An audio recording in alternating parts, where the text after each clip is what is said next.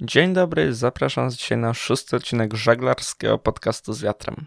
Zaczynamy od Wanny Glob, a tutaj trochę się działo. Na przykład we wtorek pojawiła się informacja o zakończeniu napraw y, grota, jakie prowadził Boris Herman na swoim jachcie, kiedy to musiał reperować ten żagiel w okolicach przylądka Horn, kiedy wiatr sięgał 45 metrów. No jest to dobra informacja, że w miarę sprawnie udało się wszystkie kłopoty rozwiązać i Boris nadal może rywalizować, bo cały czas ma szansę, aby wysoko w generalce zakończyć ten wyścig. Później w czwartek pojawia się informacja, że na jachcie Medalia, na którym płynie Pip Hearn, uszkodzony został lewy ster i e, skiperka czekała na możliwość, by wymienić uszkodzoną płetwę i tak się stało w piątek, kiedy to właśnie Pip wymieniła uszkodzoną płetwę sterową i bardzo Wam polecam zobaczyć e, filmik, który krąży gdzieś po socjalach Van Globe, kiedy właśnie to e, jest taka relacja z tej naprawy. To jest naprawdę coś niesamowitego, jak, jak, e, jak jej się udało wymienić ten uszkodzony ster. No, warto też, myślę, przypomnieć, jak to Alex Thompson musiał się wycofać z wyścigu z powodu właśnie uszkodzonego steru. No wiadomo, to jest inna budowa jachtów, ale tak czy siak jest to nie lada wyczyn wymienić uszkodzoną płetwę sterową y, na środku oceanu.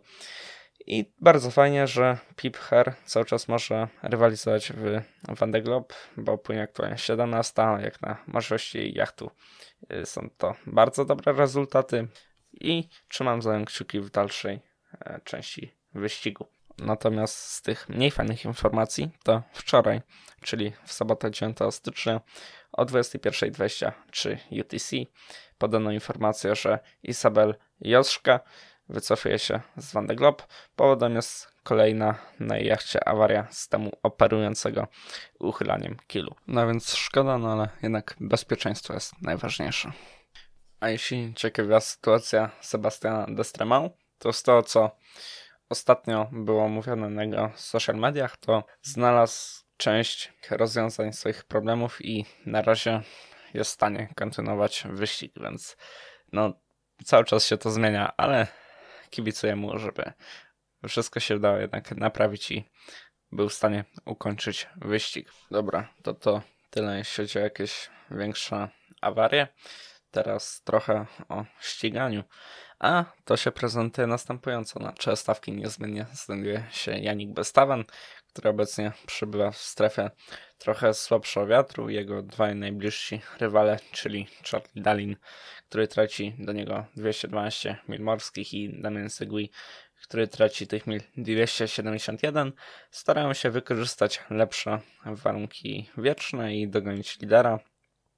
Czwartą lokatę zajmuje obecnie Thomas Ruyant, który to traci 296 mil, a piąty jest Louis Barton ze stratą 322 mil morskich do lidera.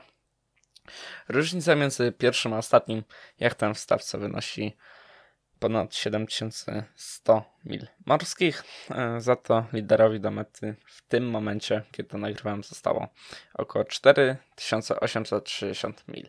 E, a co za tym idzie, Janik ma na swoim koncie pokonany ponad 80% wyścigu, a jeśli chodzi o Charlesa, bo to też jest interesująca sprawa i ten jego wspaniały pościg, to płynie aktualnie na 16 pozycji, tracą 33 mile do 15 Alana Raury.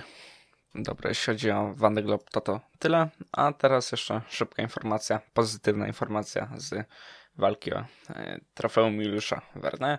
A mianowicie zespół Gitana wystartował dzisiaj o 2.33 w nocy i będzie musiał się zmierzyć z rekordem, e, który obecnie wynosi 40 dni, 23 godziny i 30 minut.